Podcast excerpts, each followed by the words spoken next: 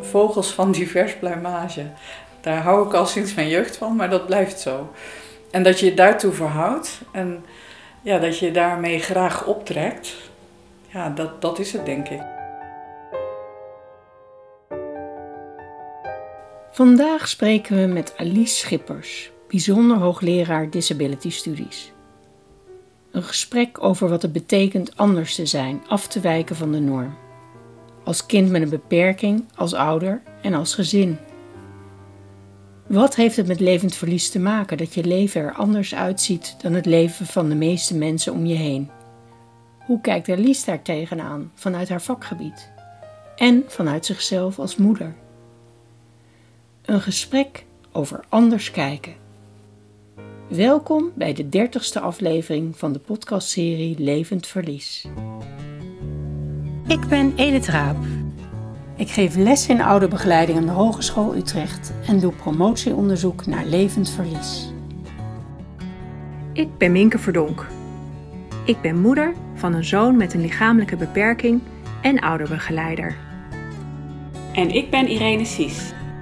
Onder de naam Gewoon Irene blog ik over de alledaagse dingen in mijn leven als moeder van vier kinderen. We maken samen een podcast over levend verlies. We voeren gesprekken met ouders, naasten en zorgverleners. Levend verlies. Steeds terugkerende gevoelens van verlies, verdriet en rouw van ouders met een kind met een beperking of chronische aandoening.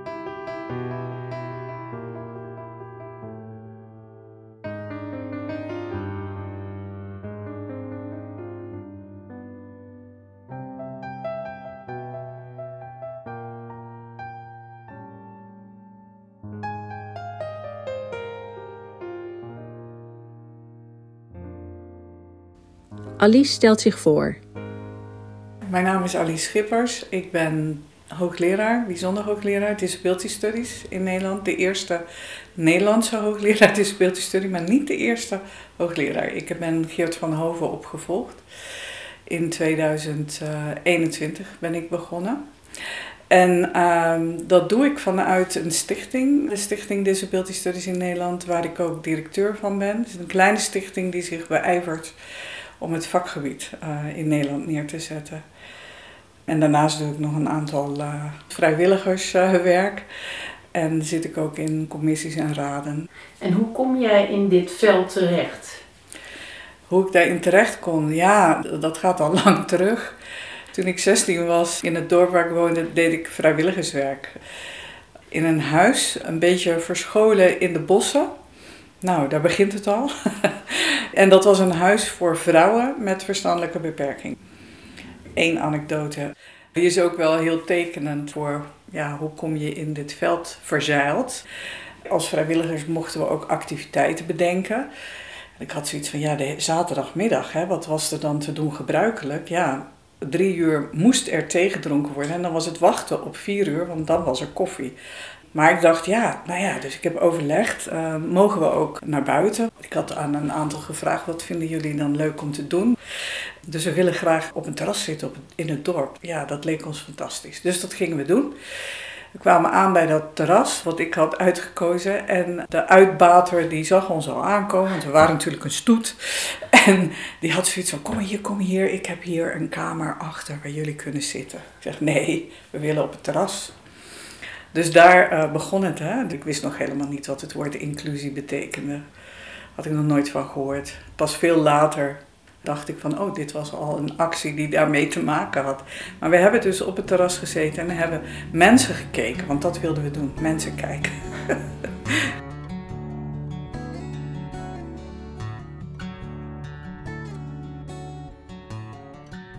Kan je iets vertellen over wat je doet als hoogleraar disability Ja. studies? Ja, wat ik doe, kan je eigenlijk in drie eh, parten opknippen. Onderzoek, onderwijs en kennisdeling. Nou, dit gesprek is denk ik interessant om te melden dat we eh, onderzoek doen naar families en kwaliteit van bestaan. Je kan het vakgebied nog niet studeren in Nederland, maar promoveren op het vakgebied kan wel. Nu, dus eh, ik heb ondertussen een tiental studenten, PhD-studenten, waarvan een aantal ook met families en kwaliteit van bestaan bezig is. Ja. En inhoudelijk Het gaat om beperkingen in de maatschappelijke context, in de sociale context. Er zijn heel veel vakgebieden waarin uh, onderzoek gedaan wordt naar bijvoorbeeld syndromen of naar genen. Dat doen wij allemaal niet. We zijn heel blij dat die vakgebieden er ook zijn. En ja, we werken dus natuurlijk soms mee samen. Maar wij kijken daar naar als maatschappelijk verschijnsel. Dus een van de belangrijke uitgangspunten van disability studies wereldwijd is niets over ons zonder ons. Dus dat betekent ook iets voor hoe je het onderzoek doet, hoe je het aanpakt.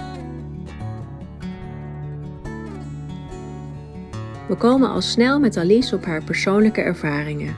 Ik heb nog niet verteld dat wij in ons gezin ook leven uh, met beperkingen. Een kwart van de bevolking leeft met beperkingen op dagelijkse basis. Want mensen met beperkingen is 10 tot 12 procent van de bevolking. Mensen om hen heen, gezinnen, families, nou daar hebben we het hier over. Dat is een kwart. Dus vind je het gek dat het mij ook overkomt? Nee, natuurlijk niet, want het is een kwart. Dus de, de kans is nogal groot. Maar we doen, hè, omdat we zo leven vanuit een norm van dat beperkingen iets afwijkends is, iets wat niet hoort, iets wat je liever niet wil, denk je het ook weg hè? en herken je het dus ook niet. Wij hadden totdat mijn zoon acht jaar was, ja, het was een authentiek kind, om het zo te zeggen. Hij heeft autisme en je ziet aan de buitenkant niks. Maar in zijn gedrag, ja, bedoel, met onze oudste hadden we ook wel eens wat. Dus ja, ieder kind is uniek, hè, zo. Dus het was niet zo dat hij al vanaf de geboorte, zoals bij kinderen met ernstig meervoudige beperkingen, waarbij je al veel zichtbare beperkingen, dat je daarmee te maken hebt. En dat je meteen al het medische circuit bijvoorbeeld in moet. Nou, dat was bij ons niet zo. Dus dat maakt ook uit, denk ik. Maar goed, op zijn achtste ging hij nog steeds dieren nadoen in sociale situaties. En fietsen, hmm, dat, kon, is in Nederland natuurlijk onhandig als je niet kan fietsen. Dus daar waren meer van dat soort dingen. Toen zijn zusje geboren werd, ging die stotter, heeft hij een tijdje ook niet meer gesproken. Dus het zijn dat soort dingen waar nu denk ik, ja, duidelijk. Maar dat was toen niet en daar leef je mee. En toen hij de sticker kreeg, zo'n label autisme, ja, was dat ideaal in een aantal opzichten, maar steeds meer ook niet ideaal. Want dat was ook in ons onderwijssysteem. Ja, het is toch wel lastig, hè? En hij heeft ook autisme. Zou hij niet naar een andere school moeten? Zo, hè? En dan, dan gaat hij zo'n professioneel circuit in. Terwijl nu, denk ik, hè, met de kennis van nu, ja, wie zegt dat ook die andere manieren, andere vormen van communiceren er niet gewoon ook mogen zijn? Als meer mensen dat doen, wordt het vanzelf gewoner hè? en hoort het bij die impliciete norm. En ik wil niet pleiten voor een impliciete norm of voor een norm. Ik wil juist pleiten voor diversiteit. En dat we ons veel breder, ja, niet alleen oriënteren, maar dat ook accepteren. Want daar heeft het mee te maken. Herken je iets van levend verlies of chronic sorrow? Nou zeker, ja. Ik denk dat niet die diagnose of zo, daar niet mee. Maar wel bijvoorbeeld, hij is uh, de afgelopen vier, vijf jaar nou, steeds minder naar school gegaan. Op een gegeven moment niet meer. Totdat hij wat dan heette, dat realiseerde ik me, oh, hij is nu een thuiszitter. Zo heet dat, hè? Dat is ook een term voor, hebben we ook een term voor bedacht.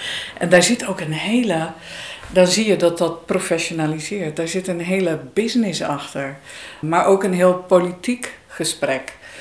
Ja, en daarin realiseerde ik me van, oké, wij hebben hiermee te maken. Uh, dus enerzijds was het zo van, ja, hij gaat niet naar school. Nou, in het begin was het nog van, nou, hij gaat het redden, weet je. En hij ging ook telkens net over, omdat hij dan aan het eind nog even een spurtje deed. Maar op den duur ging dat ook niet meer. En hij werd heel depressief, zelfs tegen het suïcidale aan. Dus dan heb je wel wat anders aan je hoofd dan dat hij per se naar school moet.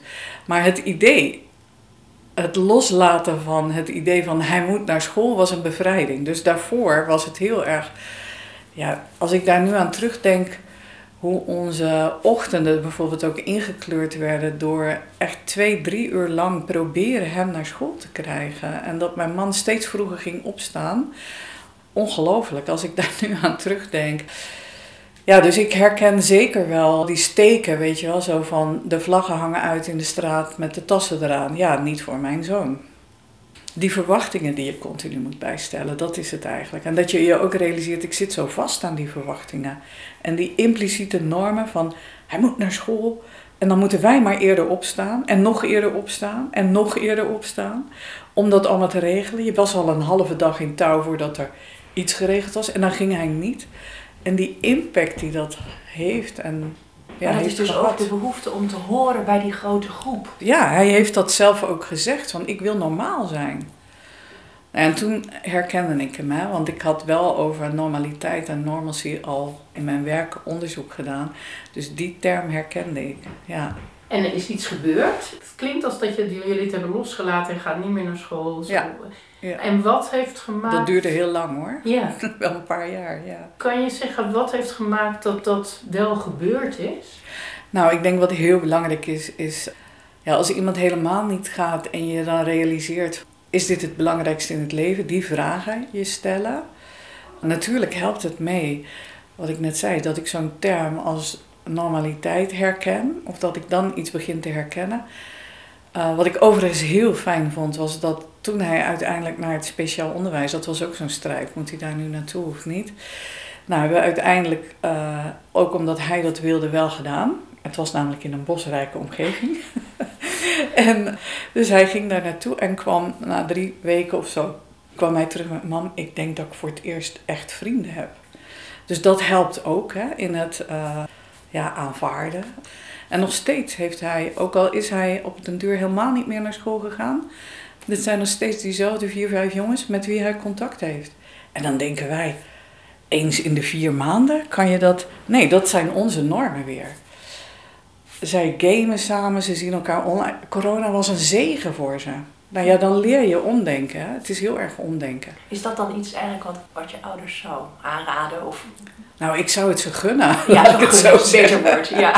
Aanraden. Want het is heel moeilijk om het aan te raden als je het niet voelt en als je er nog niet aan toe bent. Ik zou er niet aan toe zijn geweest, of wij niet, als, als ouders, toen hij 13 of 14 was.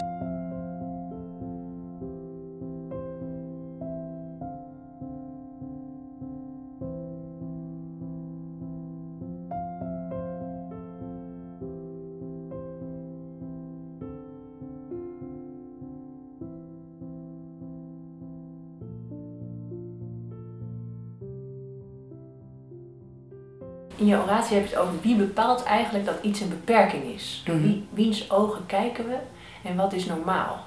Mhm. Kan je daar nog iets over vertellen? Een van de disability studies onderzoekers uit Amerika, Leonard Davers, die heeft daarvoor de term normalcy gebruikt. Dus beperkingen zitten in die, in die marges, letterlijk dus. Hè? Het leven met beperkingen hoort niet bij de norm, zit in die, zit in die randen, in die marges. Dus de gemarginaliseerden komt daar ook vandaan hè, uh, in ons spraakgebruik. Maar dat is ook andersom. Wij willen ons ook refereren over het algemeen als mensen aan een bepaalde norm. Ja. In hoeverre heeft die kijk invloed op hoe die ouders die beperking met hun kind ervaren? Denk je? Omdat ouders, wij allemaal, horen ook bij die samenleving. De was een tv-serie van BNN-Vara. The Reference Man heette die. Dus de, de man waaraan wij refereren. Uiteraard een man. Een witte man van 35. Gezond, van lijf en leden. Waarschijnlijk ook al een gezinnetje. Twee kinderen, hè, de norm. Eerst een jongen, dan een meisje. Auto voor de deur. Dus de reference man. En soms is dat dus lachwekkend in dit voorbeeld. Maar in bijvoorbeeld de medische sector zijn ook heel veel bijvoorbeeld uh, zowel ingrepen dus als medicatie zijn op die reference man, nou hoe zeg je dat, geënt. Ja, dat, dat is de norm waaraan wordt gerefereerd. Als jou ook, als vrouw, die misschien heel anders qua postuur, heel anders qua allerlei functies in elkaar zit. Dat kan dus ook heel erg fout gaan. En dat zie je dus ook dat men ontdekte dat in de cardiologie bijvoorbeeld, dat hartaanvallen bij vrouwen er heel anders uitzien. Ja, en zo, zo denken wij dus allemaal. Dus denken we, oh ja, ongeveer zit dat zo in elkaar. Dus dat hebben ouders met kinderen met beperkingen leven ook niet in een vacuüm. dus die krijgen dat vanzelf mee. Ja, dus als je dat realiseert, denk ik dat dat behulpzaam kan zijn. In ieder geval, ik heb in ieder geval in mijn onderzoek en in mijn persoonlijk leven ervaren dat je realiseren dat die norm er is en dat je daar ook van kan afwijken. Waarom zou je er niet van kunnen afwijken? Waarom moet je om negen uur op school zitten? Wat, of wat? Half negen. waarom moet je dan zo belachelijk vroeg gaan opstaan? Dat doen we toch ook zelf. Dus ook door dat niet meer te doen, maak je een keuze. En je voelt, denk ik, ik voel dat ook wel hoor, dat je je moet verantwoorden voor die keuze. Maar het is dat wat we meer moeten loslaten.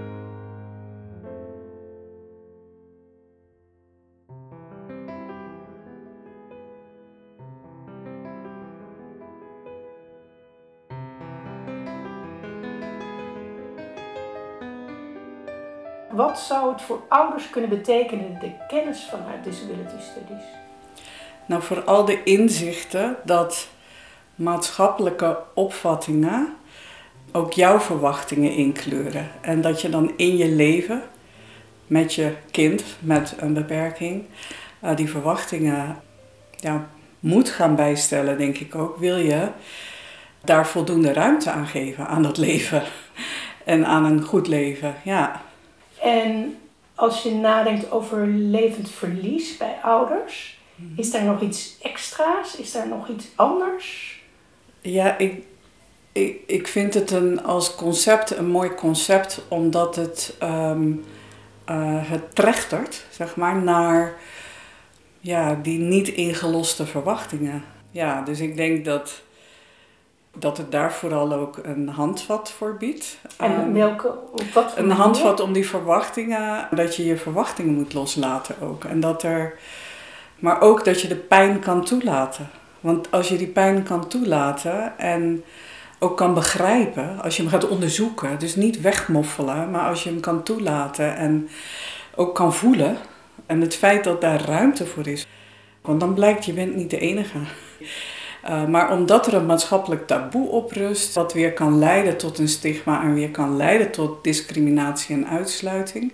En dat is wat je voelt. Je voelt, hé, hey, ik ben anders. Uh, of mijn gezin is anders. En dat is ook nou ja, een van de modellen hè, die Disability Studies hanteert. Een beperking ontstaat in wisselwerking met de omgeving. Dus het is ook die omgeving die invalideert, om dat woord te gebruiken. Je wordt tot een gehandicapte gemaakt omdat die samenleving daar niet op ingericht is. We zijn zo de laatste decennia gewend om naar die persoon te kijken en een beperking te koppelen aan één persoon. Maar het is in die relatie nou, met school, met vrienden, met familie, dat je, dat je denkt van hé, hey, dat gaat bij ons net anders. En dat vergelijken is heel menselijk. Hè? Dus daar is op zich niks mis mee. Maar als vergelijken oordelen wordt, daar gaat het mis, zeg maar.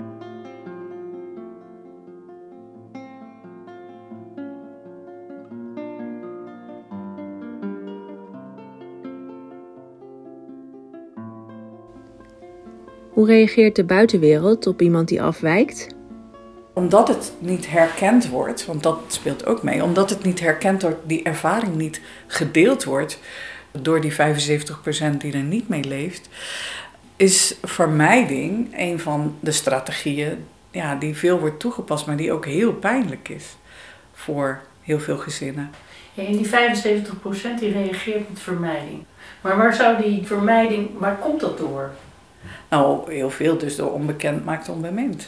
Binnen Disability Studies is er ook een hele groep mensen met beperkingen zelf die onderzoek doet en die de term of het concept de gaze, dus het staren naar. Evolutionair gezien is dat heel fijn dat wij snel zien, oh, iemand wijkt af, vluchten of vechten, wat moet ik doen? Hè?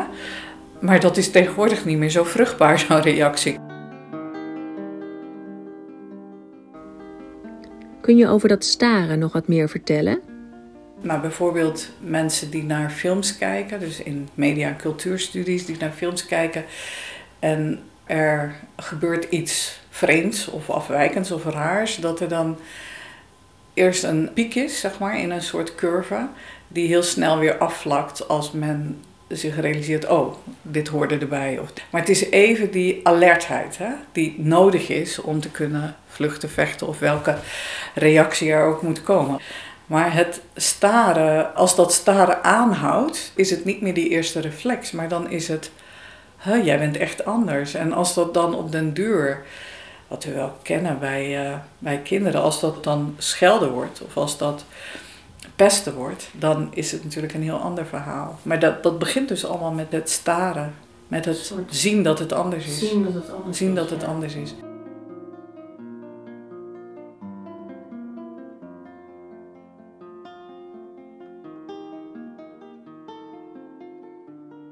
Zou je zorgprofessionals meegeven? Om je ook te realiseren van als je zelf ook stuk zit en dat dat ook mag. en dat je het soms ook niet weet. En volgens mij kom je daardoor juist een stap verder door anders te gaan kijken of door met elkaar anders te gaan kijken. En dat is het andere wat ik professionals wil meegeven. Dat je met elkaar ook collectieve kennis hebt en die ook kan inzetten. Dus niet alleen in je persoonlijke praktijk, maar ook voor, je zou kunnen zeggen, voor die publieke verantwoordelijkheid die je hebt. Um, een collega, onderzoeker, heeft eens aangegeven: wie zorgt, moet over zorg nadenken. Dus dat je over het verschijnsel zorg, dus waaraan je bijdraagt, nadenkt. En dat dat soms kan betekenen als dat op jouw weg ligt hè, en als dat bij jou past, dat je de barricade opgaat en dat je dat samen doet. Maar in je zorgpraktijk, zeg maar, van dagelijkse dag in de samenwerking met gezinnen of met ouders, ja, is het soms ook dus via juist dat gezin werken om degene waarvoor je oorspronkelijk ingehuurd was, tussen aanhalingstekens, um, ja, om daar dan via te werken. Ik heb gezien hoe mooi dat kan, kan werken ook. Ja.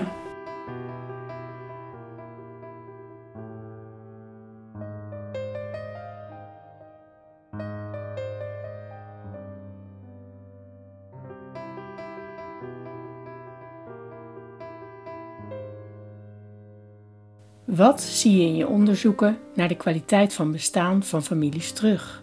De verhalen over het lijden, de kwetsbaarheid, het verlies, de moeite. Maar ook wel ja, het ermee omgaan natuurlijk. En hoe je daar ja, ook naast alle andere dingen die van belang zijn, hoe je daar dan een balans in vindt. En dat is wel een belangrijke die ik van tevoren ook dacht van dat moet ik niet vergeten om te zeggen. Dat we in ons onderzoek ook zien dat er een soort die balans waar ik het over heb, dat die altijd wel weer, dat vind ik ook mooi aan de term, dat terugkerende. Maar dat die balans daartussen dus wel weer gevonden wordt. En als je het omdraait, zou je ook kunnen zeggen van ja, die balansmomenten, die hebben dan te maken met die positieve momenten in het leven. Dus die horen ook bij kwaliteit van bestaan. Maar die balans wordt dan door een collega van mij homeostasis genoemd. Nou, lichaamstemperatuur is daar een belangrijke van. Dus dat je een bandbreedte hebt voor jou als persoon waarbinnen je lichaamstemperatuur fijn voelt. Als je koorts hebt of ondertemperatuur voelt niet fijn, dan moet er iets gebeuren. Nou, en zo is dat denk ik ook in dit geval. Dus en dat je ook weet en je jezelf realiseert dat je weer een balans kan vinden. Uh, hoe lang dat ook duurt en hoe ingewikkeld dat misschien ook is. En dat dat een hele nieuwe balans kan zijn. Het hoeft niet die oude balans te zijn. Want je hebt nu nieuwe inzichten. Hè? Je weet dat levend verlies of chronische pijn of chronische rouw, of dat dat erbij hoort. En weten dat, dat het ingebakken zit in de mensheid om die balans weer te zoeken. Ja, en wat is die balans precies? Wat, wat is dat nou, dat je, dat je voor jezelf van oké, dit, is, dit is goed zo. Dit beschouw ik voor mij als kwaliteit van bestaan. En die pijn is er ook en hoort daar ook bij. Ja. En als het heel veel pijn doet, weet ik dat er anderen zijn die dat ook ervaren. En waartoe ik me kan verhouden. Alleen al dat weten geeft, merken wij ook in, uh, in ons onderzoek, geeft heel veel rust ook. Ja. Maar mooi om hem zo omgedraaid te zien naar de balansen. Want dat is ook wel dat omdenken, dat is echt wel een kunst op zich. En ik denk dat ouders die leven met een kind met een beperking daarin chief zijn. Maar hoe zou je nog ouders meer kunnen helpen in dat omdenken? Want het is niet alleen ouders, het is ook de samenleving. Hè? Het is, ja, eh, natuurlijk. ja. Ik denk wij allemaal. Dus als beperking, het leven met beperkingen. Als we daar nou eens anders over zouden gaan denken, van het hoort bij het leven. Want iedereen krijgt er in zijn leven mee te maken. Als je heel oud wordt, eh, sowieso ook. Dat zien we ook. Hè? En dat moeten we erkennen, maar eerst dus herkennen. En herkennen dat het hoort bij de menselijke conditie.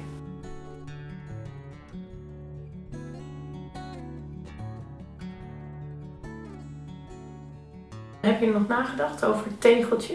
Ja, ja, ja. Ja.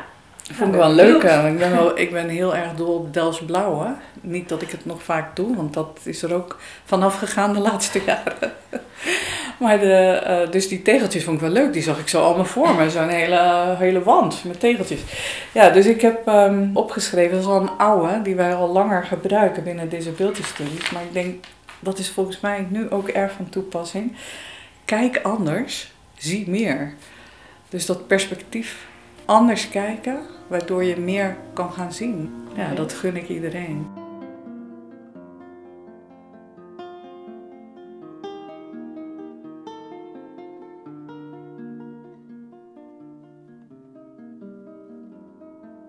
Alice heeft nog een laatste boodschap. Ja, je ergens te realiseren, oké, ik leef het leven wat ik heb en ik heb daar, dat klinkt ook zo, ah, dat bedoel ik helemaal niet van ik heb daar vrede mee, maar wel, het mag er ook zijn. Het is er en het mag er zijn. Dat is volgens mij al zo, zo belangrijk. En daarom mag je gebruik maken van die professionele ondersteuning. Die is er voor jou en voor jouw gezin, omdat we als samenleving dat hebben afgesproken met elkaar. Dat we daar gewoon naar over gaan denken. Ja, dat zou belangrijk zijn. Dus anders kijken en meer gaan zien. Ja. Want heel veel van het gebrek, als je het afpelt, er blijft ook heus wel iets over. Maar er is er ook een heel stuk wat daar niet mee te maken heeft. En dat te maken heeft met hoe wij ermee omgaan en hoe we het zien.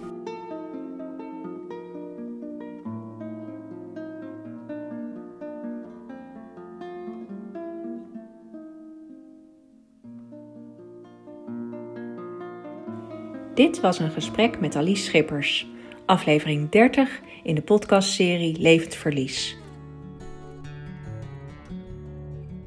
De volgende keer praten we met Marie Klein Oudehand, 92-jarige moeder met een 51-jarige dochter met een verstandelijke beperking niveau van ongeveer 5 jaar. Tot de volgende keer. Elke twee maanden op de laatste zondag van de maand een gesprek over levend verlies. Abonneer je op onze podcast en kijk ook eens op onze website levend-verlies.nl. We zijn ook te vinden op Facebook en Instagram. Bedankt voor het luisteren.